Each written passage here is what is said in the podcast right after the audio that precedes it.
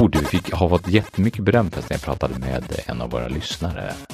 Har jag fått beröm? Ja, han sa att du hade en så bra röst. Varför pratar du? Jaha, när jag var sjuk.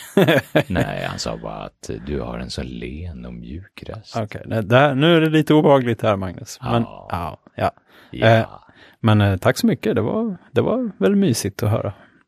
okej, nu är vi här. Nu är vi här. Men en annan grej som lyssnarskaran fullkomligen har gått bananas över är ju alla det här med mysterier. Ja! Det är kanske det mest uppeggande vi någonsin har pratat om verkar det som. Ja, kanske. Jag tyckte det var jättekul. Ja, det var ju kul. Jag, jag, när jag satt och läste på i efterhand så insåg jag att jag hade väldigt mycket fel om alla årtal. Det var liksom 30 år hit och dit, men skitsamma. Um, min tanke när jag läste om alla de här mysterierna i somras var ju naturligtvis att oj, det här måste vi prata om i podcasten någon gång. Och, och då ska jag vara väl förberedd så att jag kan berätta alla intressanta detaljer här. Ja. Och sen så föll allt det här i glömska och sen plötsligt bara kom det över oss. Mhm. Och eh, det kanske var ett, en situation när jag inte kunde se in i framtiden då, för då hade jag kanske förberett mig lite bättre på att berätta om de här mysterierna. Mm. Men, eh, ja, men det, det, det, det väckte folks, vi fick, vi fick tips om många andra mysterier, eller några stycken i alla fall. ja, det kan man göra. Eh, kan Nej, säga. men alltså vi, vi, vi fick ju tips. Vi, Ja, absolut. vi- vi jag jag satt i eh, bil med, med en, en bekant eh, häromdagen bara och, och berättade lite om, han hade inte lyssnat på avsnittet, men, men, men när jag började prata om eh, en ganska så välbeläst bekant ska jag säga då. Mm. Han, han, eh, Koll på läget. Ja, han har koll på läget, läser mycket. Så när jag började prata om Voynich-manuskripten Mm. och D.B. Cooper och så här, ja, D.B. Cooper, ja, ja, Voynich, ja, ja, Fazarium, oh, det är så vackert och, och han bredde ut texten och sådär. och så sa han så här, ja, men eh, det jag tycker är, har varit ganska intressant och jag läst mycket om så här, det är de här, eh, den här Zodiac-mördaren till Mm. exempel. Ja. Och, och, och då tänkte jag, vadå, så, det var inte det en film? ja, det var ju var minst en film. Det Ja. kan till och med vara så att det var två filmer, men det Det- var i alla fall en. Absolut. Och, och det jag inte hade koll på då, Mm. kalla mig eh, obildad eller, eh, eller något, Mhm. eh, så, så, så bygger det alltså på en verklig historia. Ja, jag har förstått det. Jag har inte sett filmen och det här är faktiskt inte ett av mysterierna jag har läst om heller, tror jag. Så jag... Mm, Vet du ja, men det, det bygger på en verklig historia. Mm. Eh, den här mördaren påstår sig ha mördat 37 personer. Oj. Men polisen har ly- bara lyckats koppla det liksom helt säkert så här till sju offer tydligen. Mm. Och ja, så det kanske är någon sån eh, lite Thomas Quick-historia bakom detta då. Oj. Men, Egentligen eh, kanske han inte hade mördat någon. Men till skillnad då från Thomas Quick då, så, så, så, så är det här massa mysterier kring detta också. Den, här, den här mördaren hade då skickat in krypterade meddelanden till tidningar parallellt till olika, olika Mm. mediebolag och sagt att ja, publicerar ni inte det här så, så jag en skolbuss eller gör något annat otäckt. Ja, Ja, men lite Ja, som ja, eh, ja, ja. Unabomber-manifestot. va, sådär. precis. Men och det här var krypto som, då? Jag hörde eh, en, en, eh, ja vad var det? Var det P3 Dokumentär kanske? Jaha. Ja, jag tror bestämt det var det, om Operation Cobra, tror jag det hette. Mhm. Det var en sån här grej som var i Sverige. Ja, nu ska jag dra till med ett årtal här, men jag skulle väl gissa att det var på 70-talet. Ja. Ehm, så började det komma brev då som framställd. Nu, har jag ju satt mig i den här situationen igen, att jag ska berätta om någonting som jag knappt kommer ihåg. Bra. Så detaljerat och in, vad heter det? inlevelserikt som möjligt. Men det var ju så då att det började komma brev, jag tror det var till rikspolischefen eller något sånt där. Om att liksom, vi måste diskutera den här planen. Det är jätteviktigt att det här inte läcker ut till allmänheten. Liksom. Vi behöver diskutera det här. Mhm. Och eh, ja, det där satte väl de upp på någon sorts ja, dummerjöns konto och strunta i det liksom, rakt i papperskorgen och så, ja. Eh, blev det inte mer med det, tyckte de. Men eh, då, då trappades tonen upp mer och mer så här att, att det började komma hot med det här att han skulle hänga järnspett i tågtunnlar så att liksom lokföraren skulle bli spetsad av Och ett spett. Det är ganska, ganska avancerade eh, hot ändå. Så Ehm, och det blev en jättestor grej där det var massa hot om bomber och sprängladdningar och grejer inblandade. ja, jag, jag, jag skippar lite detaljer, jag, skippar lite, jag hoppar lite framåt här för att Mm. eh, jag tycker man ska lyssna. Vi ska länka till det här programmet för det är en väldigt bra dokumentär Mm. om Operation Cobra.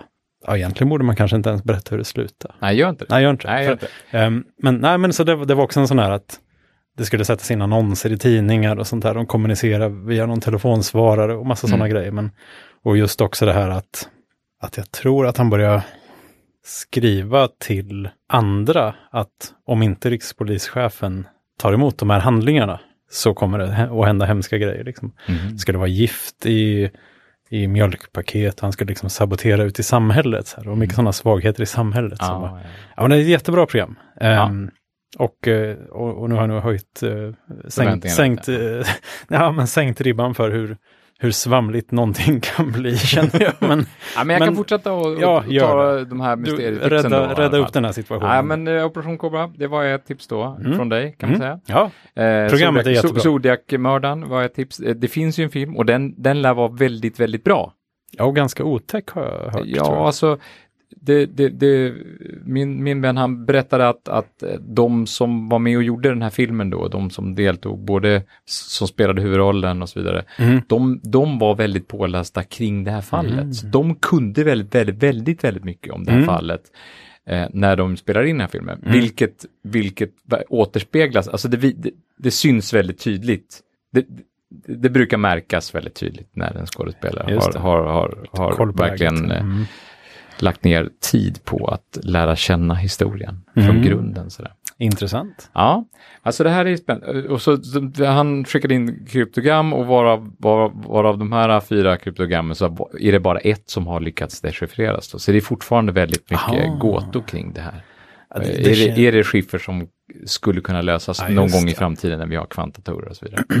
Det, det, blir alltid, det blir automatiskt lite spännande när det är något krypterat. Ja, det är... Eller sådana skiffer. Ja, visst är det. Ja, då eh, går man igång lite. Ja, precis. Som inte är knäckta eller? Ja, ja, visst. Och som är kopplade till något viktigt. Liv och död liksom. Det är ju jättekul. Vad mer kan man begära? Ja, men han tipsade om detta och så tipsade han om The Somerton Man. Ja, just det. Eh, och det är ett känt fall från Australien. Det är Mm. Australiens mest kända fall. Det är en man som hittades död på en strand nära en ort som heter Somerton. Ja, ja, det där har jag läst om och eh, Och det var väl så att han, han eh, det, har, det här fallet har också kallats för the Tamam Shud case. mm, Eh, därför att han, han vad, vad, hittades han med en, ja, det var ju så att man, en lånebok eller vad var det? Nej, i, i den här lilla minifickan på hans jeans så hittar de efter, efter ett tag, tror jag, en liten, liten bit papper med de här orden på Tamam Shud. Och eh, typ en liten remsa av ett papper egentligen. Aha. Och eh, det koms väl på på ett eller annat sätt och polisen gick ut med någon sorts efterlysning tror jag. Ehm, att den här boken, eller den här eh, pappret var från en viss utgåva av en viss bok med några, jag tror det var någon sorts diktsamling från Mellanöstern någonstans. Ja, men det var någon sån här persisk poesi. Eller Ja, just sånt, det, ja. precis. Och de hittade också just den boken som det här var utdrivet ifrån. Oj! Och i den boken stod ett telefonnummer skrivet, handskrivet. Oj, oj, oj. Och, och någon sorts liten textsnutt som skulle kunna ha varit ett kodat meddelande. Liksom. För att det var liksom bokstavsgrupper på något sätt med något streck emellan eller, Ah, eller ja. någonting sånt Och där. det kan lika gärna vara en shoppinglista till, eh, till någon slags eh, 30-årsfest. Ja, ehm, ja, det var väl, han hade liksom kommit till den här stan och jag tror att de hittade hans väska, hans resväska i ett skåp på busstationen eller någonting sånt där. Mhm. Och så hade han ju bara kommit dit, inte, verkar inte riktigt ha varit i kontakt med så många har jag för mig. Och så hittar de honom bara död på stranden på morgonen, liggandes i en lite avslappnad position på något Mm. sätt. Så att det såg ut som att han hade lagt sig där för att sova nästan. Och det, Mm. det var lite konstigt insydda grejer och han, det var någon cigarett och ja. Bra mysterium. Men ganska spännande. Och så Ja. är det typiskt lite samma tidsålder som D.B. Cooper, de här, alltså 40-50-tal nå- någonstans där va? Ja, han var ju på 70-talet, tror jag det visade sig sen. Ja, okej. Eller Men- 60-70-talet. Men, men, alltså, Ja, men så här, jag, mitten 1900-tal säger vi nu Ja, exakt. ja, vi får För att hålla oss till år, århundrade. Jo, men jag ska komma med tredje tipset är nämligen att förr, förra året, nej förra året, 2015, Ja, det finns, så fanns det fj- fall eh, på en, eh, en upphittad man som var också ett sånt här mysterium som hittades i England då. En, en, Jaha, så i modern tid alltså? Ja, det är ett fall som kallas för Body on the Moor. Mm. Som vi ska länka till BBC. Eh, Mm. Som jag fått tips om. Från, Ja. he, hela vägen från Irland har vi fått tips om det. Fin, fin tips med telegram från utlandet. Ja, precis. Ja, okej, så det var, men det var också någon då som hittades Ja, precis. Ja, vi får, man, man får läsa på om detaljerna själv kan man väl säga. Mm.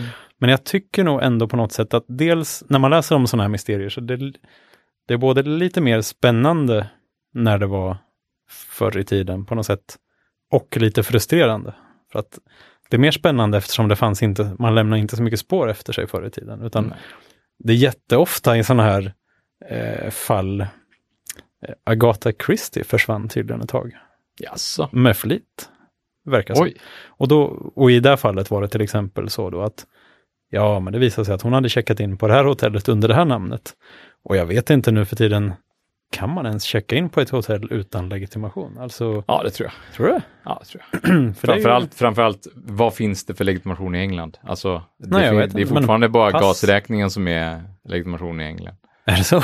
Ja, men det är, Är det inte sant? klokt alltså. Ja, jo, men de, de, är ju, de är ju helt paranoida vad det gäller just eh, eh, legitimation. Ja, okej. Så ja, det, inom England, alltså röra sig inom Storbritannien, ehm, om vi tar bara Storbritannien, eh, så eh, kontinenten Storbritannien, ska vi kalla den för det det, kalla den brittiska kontinenten.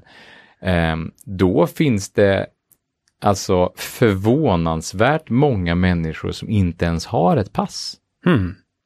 Ja, för det verkar som att i i USA är de lite halvparanoida över det här med social security number. Ja, och ha ett nationellt eh, eh, så här identitetsnummer på något sätt. Det skulle Ja. vara lite, det är lite läskigt. Där vill man inte riktigt att eh, staten ska komma in och sätta nej. ett... Vad roligt att du nämner det för att det är ett social security number. Vet du vilket det vanligaste social security numret är i USA? Alltså kan flera ha samma? Nej, det, det trodde man ju inte, eller hur? nej. Nej. Ja, det känns som om det ska vara liksom en nyckel i en databas så kommer det bli ett bekymmer. Alltså det är därför jag frågar dig nu. Så. Jaha, Ja. ett? Nej, nej, nej, nej. Nej, ingen aning. Det absolut vanligaste social security-numret i USA, ni kan googla detta, jag, jag har inte det framme på någon skärm här nu, jag lovar, men det absolut vanligaste social security-numret, det kan jag faktiskt utan till och det är Okej, 078 eh, 05 11 20. Okej. finns det någon rimlig förklaring till det? Ja, det finns faktiskt en rimlig förklaring till detta. Jaha. Det här var, jag säger var, för det är inte det längre, det var Social Security-numret för en sekreterare på ett företag som tillverkade plånböcker. Nu förstår du, va? Oj. Och när de som tillverkar de här plånböckerna vid ett tillfälle, jag tror hon hette Barbara, men jag är inte, s- jag är inte säker. Där, där drar jag gränsen. Ja. Numret kan jag, men jag Ja. kan inte namnet Ja, på henne. okej. det är hemskt nördigt. Men, men eh, när de skulle tillverka de här plånböckerna Mm. så skulle de ju ha ett, ett, ett, en, en, ett exempel på hur det här social security cardet skulle vara. Så man liksom. printade ut en sån sample social security card som man, som man stoppade i den här plastfickan i Mm. plånboken. Och då tog helt enkelt den här plånboksdesignern hennes, Hennes hennes nummer. nummer. Vilket fick till sin följd att när folk skulle mata in ett social security nummer, nummer på sig, så, så bara hittade, tog de ett sådär. De tänkte så här, men jag kan ta det här, det, det funkar säkert liksom. När de skulle uppge ett social security Precis. nummer, så, så om de inte hade ett, eller om de ville fejka sitt, sitt Ja. social security, så stal de hennes helt enkelt. Så det var det mest stulna social security-numret i hela USA. Så, så, vilket ledde till att hon till slut fick byta social Ja, security-nummer. det förstår jag att de ville göra. Mm. Gud, vad mycket elände de måste bli indragen i. Men för det är någon sorts sånt här En, en typ av ide- identitetsstöld fast ofrivill, alltså, ofrivilligt från båda håll. ofrivilligt för offret. Ja, men även ofrivilligt Som från... stöld, fast hon var inte med Ja, på det. nej, men ja. Nej, men för det här med social security number, det är väl det är inte något man bara får av sig självt, eller man måste skaffa det aktivt. Ja, man eller måste något skaffa det aktivt. Ja. Och sen finns det inte något mer tror jag. De har inget personnummer liksom. Och jag tror att amerikaner tycker att det där med personnummer låter väldigt sovjetiskt. Och Ja. något som man absolut inte kan eh, tänka sig. Ja, för vissa då. Men, Och, och nu måste väl ändå kraven ha ökat lite på så här nationellt ID-kort och så. Jag vet inte om det finns fortfarande om det, om det finns något nationellt ID-kort, men efter hela 11 september-händelserna Mm. och sådär, så har, har väl i alla fall saker och ting stramats upp då. Jo, det har det absolut. Men jag undrar hur de identifierar personer då. Om de har sin no-fly-list till exempel, där personer som utpekas som elaka står med. De här, de här personerna får inte flyga på ett flygplan. Nej. Står det bara deras namn där då? För det Ja. finns ju väldigt många som heter likadant. Liksom. Ja, det, det, det är väldigt konstigt. Och sen har, har man pass finns det ju ett passport number, men det är ju, ett- det är ju inte samma om man får ett nytt pass sen. Utan det är Nej. verkligen ett nummer på just det här passet. Liksom. Ja, och jag antar att körkortsnummer på något sätt, jag menar, Man kanske har ett körkortsnummer. det, Liksom. det, är nog kanske finns någon sak. slags eh, samordning mellan, eh, mellan körkortsregistren i USA. Ja. Ja, jag vet inte riktigt. Det det där är lustigt. Okej, men nej, nej, precis. För att det här med att kunna checka in på hotell i fel namn, som typ hälften av alla som eh, har gjort mystiska saker i sådana här fall verkar ha gjort. Liksom att, och, och, och folk hade alias och kallade sig en massa olika saker och sånt där. Det var lite mer lö, löst och ledigt på den fronten Ja. förr i tiden. Liksom. ja, ja visst, absolut. Och det gjorde ju också att det kunde bli lite mer spännande mysterier på något sätt. Men Ja, samtidigt är det oftast det här att det är mycket som är höljt i tidens dunkel på något sätt. Att det, här, det här kan man inte veta, de slarvar jättemycket med utredningen de första dagarna och sånt där. Och då är det liksom Jo. ir, Ja, och du menar, ja, irreparabel men till, och med, skada. till, med, till och med Palmefallet kan man ju säga då att, att det Ja. finns ju massa sådana exempel. Ja. Så, så när, när folk säger att ja, jo, men Palmemordet utreds fortfarande, ja, ja. Alltså, då bara tänker man, det kommer ju aldrig lösas. Nej, alltså det är, ju- det, det är ju sjukt osannolikt att det skulle komma upp något nytt nu. Liksom. Ja, om det inte finns dokumenterat någon gigantisk eh, konspiration där det finns jättemycket bevismaterial sparat någonstans. Mm. För, det, för Palmemordet är väl lite så här, det kan man säga ett, ett litet lokalt mysterie här i landet. För oftast Ja, är det ju i. USA eller kanske i Storbritannien eller så här. Men, eller i Somerton. det? ja. ja. precis. Ja. Mm. ja, Palmemordet. Ja, ja. ja det, det är märkligt. Man tänker sig att allting är så kontrollerat och det finns alltid Mm. Alltså om man bara tänker sig så här, okej, jag ska göra det perfekta brottet. Det är ju nästan, alltså överallt finns det, det finns kameror, det finns liksom ens bilnummer registreras säkert inom vägtull och liksom man, Mm. det är Nu väldigt finns svårt. det mycket digitala spår. Ja, man, man, att måste röra nog, sig runt man så- måste nog jobba ganska hårt för att komma röra sig runt under radarn. obem- här. ja, precis, obemärkt och liksom, vem var det där? Och, ja. ja, nej, så att det, det känns som det var lite charmigare förr på något sätt. Att så här, man skulle checka in så, ja, god dag, vad heter ni? Och så fick man bara säga något namn och så skrev de det i en stor Ah. bok. Liksom. Jo, men och det var ju, jag menar, eh, du har väl sett filmen eh, Catch Me If You Can, hoppas jag. Ja, absolut. Det är en fantastisk bra Den är film. jättebra. Som- Ja, det, eh, jag såg det med mina barn ganska nyligen. Mm. Och, och till och med liksom 13-åringen, eh, det här är ju en ganska gammal film nu. Ja, den börjar ju ha några år på nacken. Men, Ja, det är väl men den Tom ju- Hanks och Leonardo DiCaprio Ja, som är, jagar Fan. varandra. Jättebra film som Ja, den är också är baserat på ett, ett, eh, ett verkligt fall ju. Just det. Där en, en superbedragare verkligen går bananas med, med sitt bedrägeri och utger sig för att vara läkare och flygkapten och, och, och advokat och Ja. hela min, jag ska inte avslöja slutet heller, för det har man inte sett den filmen så, så ska Ja, man bara, man ska se. man ska bara se den filmen, så är det ju bara. Men, men vi, det vi kan säga, det är baserat på ett, ett verkligt fall Mm. och han som är, spelar huvudrollen, som är bedragaren där, det får ett lyckligt slut och han lever fortfarande. Jaha, Ja, coolt. det är fantastiskt roligt. För det måste utspelas ändå på 60-talet någonting om Ja. jag ska sticka ut och det nacken är, här igen. Jag menar 60-70-talet, och det är Ja, jätteroligt. Ja, den Och- sig under ganska lång tid känns som. Väldigt lång tid dessutom, att, liksom så. han, att han lyckas hålla sig undan under så lång tid. Mm.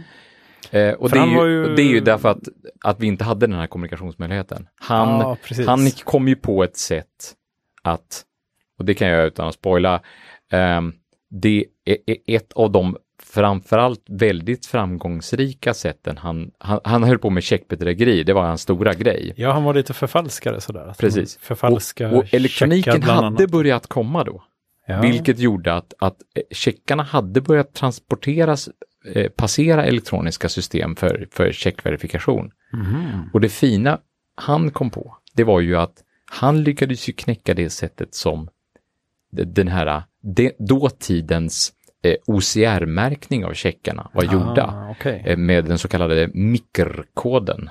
Alltså, den, det fanns en speciell mikrofont, alltså MICR-font. Okej. Som var dåtidens OCR-läsning helt enkelt. Ja. Eh, och, och så han modifierade checkarna så att de helt enkelt spreds fel. Så att han, när han hade förfalskat en check Ja. så skickades den till fel bank för verifikation. Så att det skulle ta längre tid innan Ah. hans bedrägeri uppstod, eller eh, kunde Uppdagades. uppdagas, uppdagas helt enkelt. Så att han Ja, kunde, just. så att han kunde, då hade han flyttat sig till nästa ställe redan. Mm, för han gick ju kanske då och lämnade in en sån här fake check och så fick han ju pengar i handen. Ja, Och sen så var det ju, det var bra om det gick någon vecka innan det där liksom. Men precis. den här Han, finns han, det ju inte han, han, för. liksom. han, han, han slog ju mot flera olika säkerhetshål, men, Mm. men, men, men, men precis ja. ja. Coolt. Ja, är det coolt? Man ska väl inte uppmuntra till brott kanske, men det är lite spännande i alla fall. Ja, men som min vän sa, alltså den här, eh, det som han sa om D.B. Cooper då, han, han Mm. tipsade ju om eh, lite nya fall här nu, men, men det han sa om, om D.B. Cooper som ändå sådär, det var ju att det här, det, det var ju, det var ju en, en, en, en bov man hejade lite på. Jo, precis. Alltså det är ju klart det- att de här pengarna han faktiskt fick tag på kommer ju någonstans ifrån. Det var ju liksom inte ett brott helt utan offer. Men Nej. eh, han verkar ha skött det så snyggt. Och det var liksom, eh, ska, han, han tog en drink med liksom flygvärdinnan och ja, så här lite James Bond-känslan. Men det är ju nästan. som det här helikopterfallet i Stockholm. Liksom. Ja. Eller hur? Ja, det finns en P3-dokumentär om den också. Ja, ja men det, då länkar vi till den Om också, det nu för den, den, P3 den, den borde man ju... Ja. Alltså, om man, om man lyckas genomföra en sån kupp, då är det på något sätt...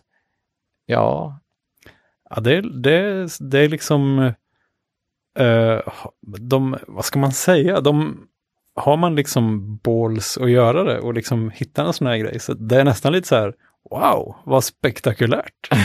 ja men det är lite Oceans Eleven. ja, eller hur? nästan faktiskt. Eller hur? Jag menar Ja, den här precis. lilla kinesiska akrobat, Ja, akrobaten ja, som låg i lådan och allt det här. Åh, man blir Ja, den alldeles... är bra.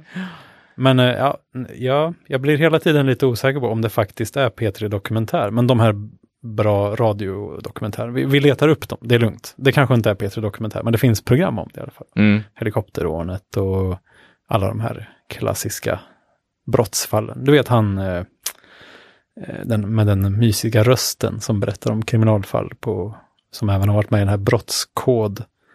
Verkligen inte. Nej, men då, då har du något att gräva ner i. Det är jättebra. Han eh, pratar... hur, hur, mysig, hur mysig är den rösten? Ja, inte riktigt lika mysig som eh, min naturligtvis. Nej, nej, du, Ja, du men, har ju eh, fått mycket beröm för din röst. Ja, det gör mig lite orolig. Nej, men det finns, jag tror att det började som P3 Dokumentär om just kriminalfall och sen så gjordes det en tv-serie på, tror jag, typ TV3 som heter Brottskod. Som är Jaha. samma sak fast med rörlig bild. In, inte bara, det är multimedia, det är inte bara oj, ljud. Oj, det kanske är någonting man måste Ja, gräva i. På tal om multimedia så har ju Google hade ju ett event härom sistens där de eh, radade upp en hel, eh, ja, radda med nya produkter. Ja, precis. Eh, bland annat en, en... Ja, de har ju gått hela vägen nu med in i hemmet och ska, Ja, ska exakt. De vill, tillverka och sälja hårdvara. De har ju de vill bli lite mer som Apple eller Microsoft. verkligen, jo, något sånt där. jo men Ja, det, det tror jag Mm. verkligen.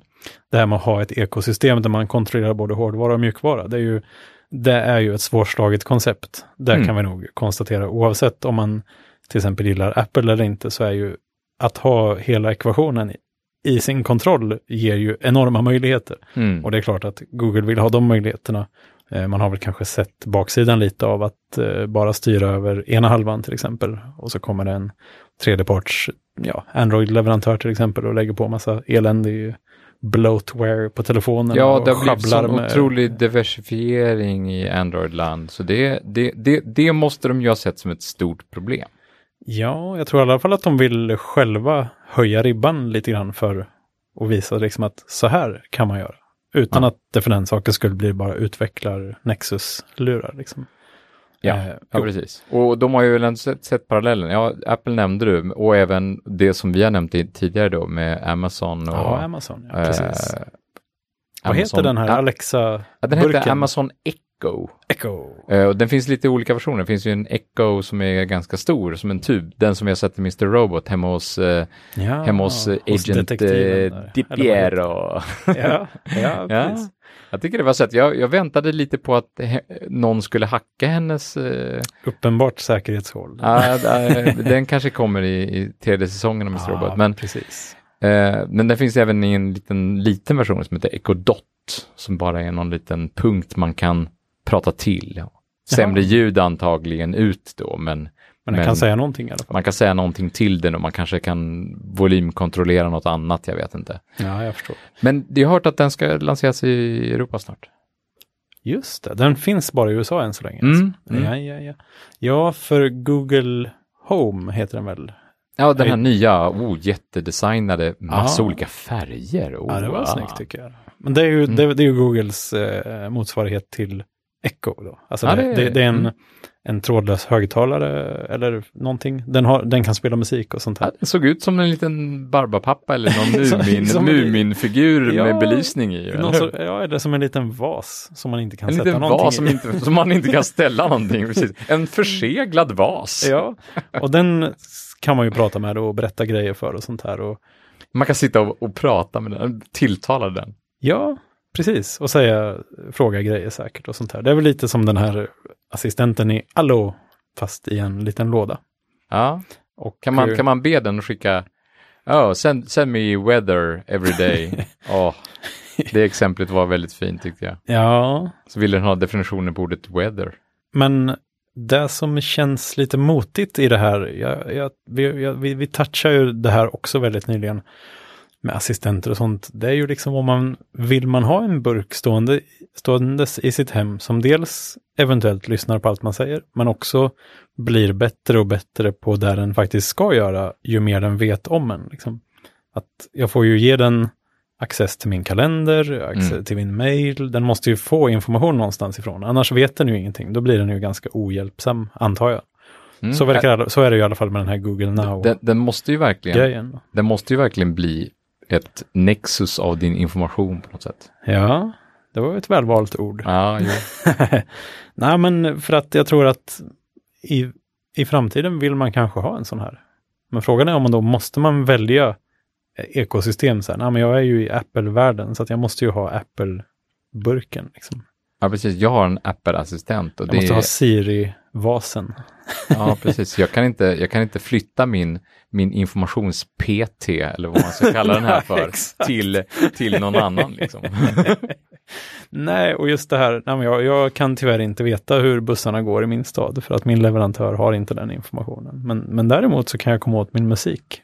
Alltså det är jobbigt man börjar behöva, det är lite som, ja, som vi också har pratat om innan, det här med Netflix och HBO Nordic och, och Viaplay. Ja, och, ja. Man måste liksom till slut ha fem tjänster för att kunna se de programmen man vill. Ja, och Vilket fr- är lite tröttsamt. Och, och, och, jag undrar vem det är som kommer driva på standardisering på den här fronten. För vem det- är det som kommer göra att det blir lite så här leverantörsoberoende? Ja, alltså jag skulle Eh, säga Ligger det i någons intresse att det ska bli alltså typ, typ EU eller något sånt där. Ja, jag, jag, alltså jag tänkte på det på ett helt annat område ganska nyligen. Mm. Det här med intelligenta kylskåp.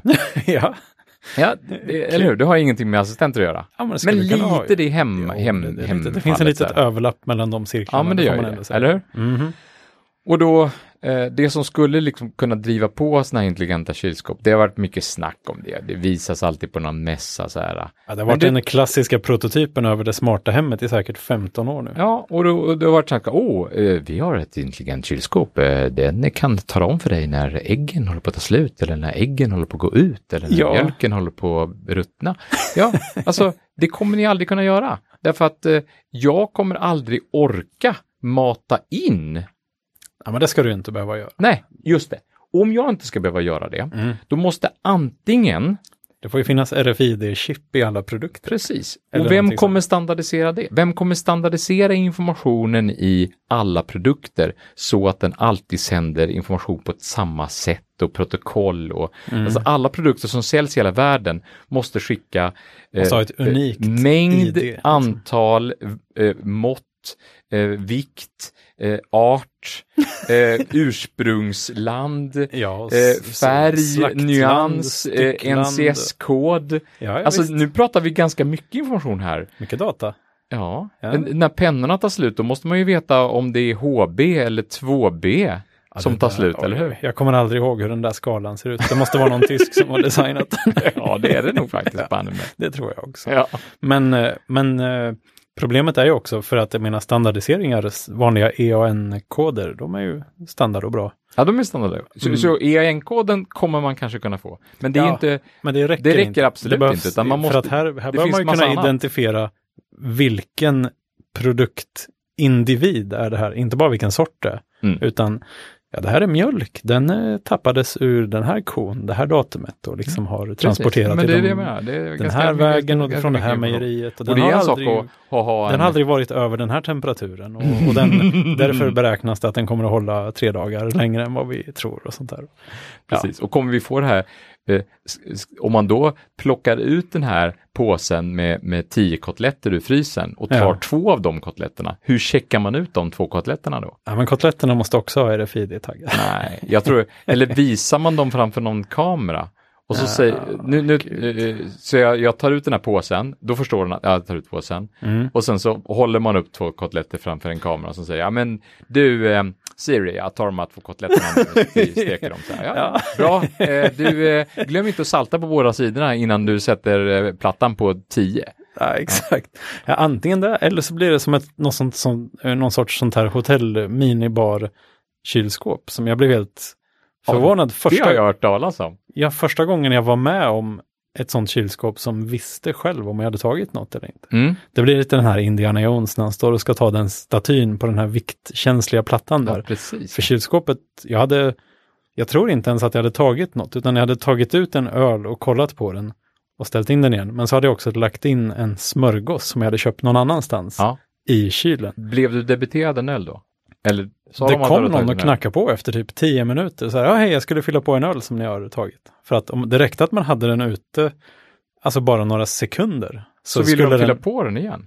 Ja, nej, men då registrerades det att jag hade köpt en öl. Ja, liksom. och då tyckte de att då var det dags att fylla på den? Ja, det kanske var ett sammanträffande, att det var dags att gå ölrundan. Det vet jag inte riktigt. Jaha. Annars för är det ju det påminner nästan... hetsigt om de kommer varje gång. Så, ja, nu, nu är det dags igen. påminner- jag minns när jag åt eh, eh, på eh, en, någon, ett hotell i, i Peking en gång. Ja. Och, så, och då, då var personalen überdresserad att, att så fort man liksom hade tagit precis sista munsbiten från en tallrik, då stod de ju lurpassade bara en halv meter bakom Ja. en, så bara tjoff! Så ryckte de åt sig tallriken så här. Jag blev alldeles nervös. Alltså, Ja, jag alltså jag man- lämnade nästan avsiktligt kvar lite frukostmat på tallriken. för att- för att- placeholder, Ja, för att, alltså, för att jag skulle kunna sitta i lite lugn och ro där. Det blir Ja. jobbigt till slut. Ja, jag var med om samma sak i Polen på en konferens. Man känner sig helt så här... eh, Det är inte Man blir service så- längre. Det är ju, det är ju Ja, men attackservitörer. man, man känner sig så himla observerad hela tiden, för man vet ju att om de ska ta tallriken så här fort, då måste de stå och titta på mig hela tiden. Så, att, så här, kollar de nu om jag liksom eh, ät, slickar på kniven eller något sånt här. men, liksom, men, men eh, det finns det någon slags villfarelse om att, att det skulle vara extra hög service? Ja, men det Att måste ju vara det. Otroligt observant och väldigt service-minded. då? Ja, Jag vet alltså inte. typ att när man... Jag tycker det har slagit tillbaka då. Ja, men jag vet inte om det är något sånt här att vi kommer från en kultur där vi är rätt vana vid vår, vår personliga space och vi vill kanske ha lite privatliv eller vad Mm. heter det här då. Medan i andra kulturer är man kanske mer gnuggar armbågarna mot varandra lite mer. Ja, kanske framförallt serveringspersonalen, att, att de är ändå, de är bara en del av inredningen, så de ska man inte ta notis om och, och tycka att de är Nej. invaderat sitt space. Ja, exakt. Eller? Ja, jag vet inte. Men jag tycker också det är lite jobbigt. Jag vill vara i fred. Alltså, Men det här jag... minibaren-grejen, Ja, minibar-caset, just det. det, det hörde jag talas om. Alltså någon... där, så skulle ju di- din frys skulle kunna funka så. Om, Jo, om du bara tog ut ett paket med kotletter och sen satte du in det igen så kan den tänka så här. Oh, 300 gram lättare, det var nog Mm. två kotletter. Men jag såg faktiskt någon som hade byggt någon sån grej på Instructables. Jaha. Eh, men det var väldigt omständligt. Jag tänker inte ens länka till det, utan jag tänker bara beskriva Oj. det nu. Ja. Det var någon slags rotationskabinett som man hade på en kylskåpshylla. Okej. Typ. Eller, eller möjligtvis i, en- i någon skafferihylla. Eh, och så i det här rotationskabinettet så fanns det olika burkar med saker. Ja. Eh, och så sa man så här, ja ah, men nu vill jag ha müsli. Mm. tryckte man på müsli-knappen. Då roterade den fram müsliburken. Ja, som i en varuautomat liksom. Som i en varuautomat. Och då, och då ställdes den müsliburken på en våg. Så den vägde ju müsliburken. Ah. Eh, Men- när jag, men- Så det kommer ta fyra timmar att laga mat i så princip. när jag hade tagit müsli från burken så ställde jag tillbaks den och då vägde den burken och så roterade den in i skåpet Ja. och då visste den så här, ja men nu har jag så här mycket müsli. Magnus har ätit 37 gram müsli. Precis. Mm. Och då kan du räkna upp det på mitt MyFitnessPal-konto. Ja, exakt, absolut. Men, eh, men det där, det får ju inte vara så att det blir ett hinder. Liksom att, Nej. ja, du vet den här, all byråkrati för att laga middag, det är, det är inte lönt. Jag beställer hämtmat istället. ja, men, men alltså återigen, minibaren, jag är inte klar där. Aj, just det. Eh, där hörde jag talas om någon snubbe som, han tyckte det var så himla jobbigt därför att han, han, liksom jag och många andra, och du tydligen också, Jaha. vi vill ju använda minibaren för vårt eget bruk. Vi vill inte bara använda den för Mm. minibarvaror. Så egentligen så ville vi ju ta ut alla sakerna från minibaren, Ja, ställa dem någonstans så länge, men så kan jag använda minibaren som kylskåp, för det är ju Ja. så man vill använda minibaren. Ibland. ja, och jag har varit med om allt oftare på senaste tiden när vi, vi har varit utomlands och sådär. Nu bor väl inte vi på de allra dyraste hotellen, men inte på de billigaste heller. Men där i mellanskiktet ungefär, Mm. så har det väldigt mycket gått över till att det finns kylskåp på rummet. Det är ingenting i det från början, det är bara ett tomt kylskåp. Ah, ja. Och det tycker jag är en mycket bättre service än en minibar. Där jag kan köpa en Verkligen. Coca-Cola för 38 kronor. Liksom. Ja, verkligen. Men jag hörde en kille då, så han hade satt i system då att när han kom till ett hotell när det var minibar, Mm. han tog en bild på hur det såg ut i minibaren när han kom Ja. dit. Ja. Så flyttade han grejen åt sidan Mm. och så använde han kylskåpet och sen så innan han checkade ut igen så tittade han på bilden och så arrangerade han tillbaka sakerna exakt i samma ordning. diorama. Som ett litet, vad sa du? Som ett litet diorama. Eller vad det heter. Ja, ja, precis. Ja, Men jo, precis. Och det är ju det där anledningen till att det där vägningsminibaren som jag råkade ut för var så eh, rabiat var ju att annars så, så kanske folk tar den här 80 kronors ölen, två flaskor till och med, dricker dem och sen så när man går ut en sväng så köper man två stycken likadana 10 kronors ölar i butiken på hörnet och ställer tillbaka i kylskåpet. Ja. Som en lurat hotellet. Men, hur, men, om, men om det är samma märke så spelar det ingen roll, eller? Ja, men då fick de ju inte de 80 kronorna. Nej. Utan de har bara lånat ut en öl gratis åt en och det tjänar de ju inget på. Så de vill ju veta om du har utnyttjat servicen kall öl i ditt rum. Kall öl. Då ska du baska mig betala för den också. Det är inte bara så att du ska kunna låna en öl och sen lämna tillbaka den och så gör vi det för att vi är lite schyssta. Så. Nej, så då, det är därför man blir debiterad efter Oj, några det sekunder fallet bara. tänkte jag inte alls på. Jag är för dum alltså ibland. Ja, jag, har, jag har gjort så. Åh. Martin! ja. ja, men du vet som tar flaskvatten som kostar hur mycket som helst. Ja, så ja. kostar det ingenting alls utanför hotellet. Då är det Nej, liksom, ja men då fyller vi på. Nej, jag har aldrig brytt mig om att... Där de skulle ha egentligen är väl hotellets egna produkter kanske. Att det är liksom Hilton Water. Precis. Ja. Det hade varit gott. Det hade varit eh, extra gott kanske. Det, det är absolut inga mineraler och sånt i, men det är dyrt. Ah, ja. För det är lite det, så det Hilton är, helt tycker konstigt. Inga återanvända vattenmolekyler alls. Exakt. Nej, men de brukar vara dyra och det ingår ingenting. Vi lovar, det här, de här vattenmolekylerna aldrig någonsin runnit genom någon kropp någon gång. Inte genom någon äcklig dinosaurie. Eller något sånt där. Det, det kanske är en marknad så, nytt vatten. Att vi till, tillverkar nytt vatten av gas. Och så är det liksom så här, det här vattnet är obegagnat. Sitter du och dricker begagnat vatten som, en, som ett djur? Alltså, Precis. Som ett djur har kissat ut någonstans Ja, på en till- prärie. kanske tusen gånger om. Ja visst. Usch. det Eller liksom det har passerat genom både diktatorer både ena och och, och, och andra obehagliga individer. Ja. Ja, men eh, det blev väl en rolig liten uppföljning det här. Jag tycker det. Eh, vad ska vi prata om nästa gång Martin? Nästa gång blir det ett väldigt speciellt avsnitt. Det blir det första i sitt slag faktiskt. Aha. Dels har vi... Blir en- det, ja, alltså vi, vi, ja, ja, berätta mer. Jo, dels kommer vi ha en hemlig gäst. Och så är det vårt sista avsnitt. Det, ja, för den här gången i alla fall. Ja, för man, man vet ju aldrig någonting om framtiden egentligen. Nja. Men vad betyder det? Har vi hållit på ett år nu? Nu har vi hållit på ett år. Nästa, liksom- år, nästa vecka alltså? Ja, det beror lite på hur man räknar tror jag. Men eh, vi, vi är där i krokarna. Nästa vecka har vi garanterat hållit på i ett år. Liksom. Ja, men det är bra. Ja, och eh, på något sätt var det väl där vi lovade att vi skulle hålla, hålla på ett år. Och eh, då tror jag det är läge att göra någonting annat ett tag. Ja, men då får vi höra om det mer nästa vecka. Ja, vi får prata mer om det nästa gång. Ja. Så det blir helt enkelt första gången vi spelar in vårt sista avsnitt. Sen kanske inte är den sista gången vi spelar in vårt sista avsnitt. Ja, det var en snygg eh, wrap-up. Ja, en liten kru krusidull, krumelur. Mm. Eh, knorr på svansen. Ehm, men det ser vi fram emot. Vi kommer ha, en, vi kommer ha, vi kommer ha jättetrevligt tror jag. Och eh, så får vi chansen att, att avrunda på ett snyggt sätt. Fint. Fint, vi hörs då. Ja, det var hej.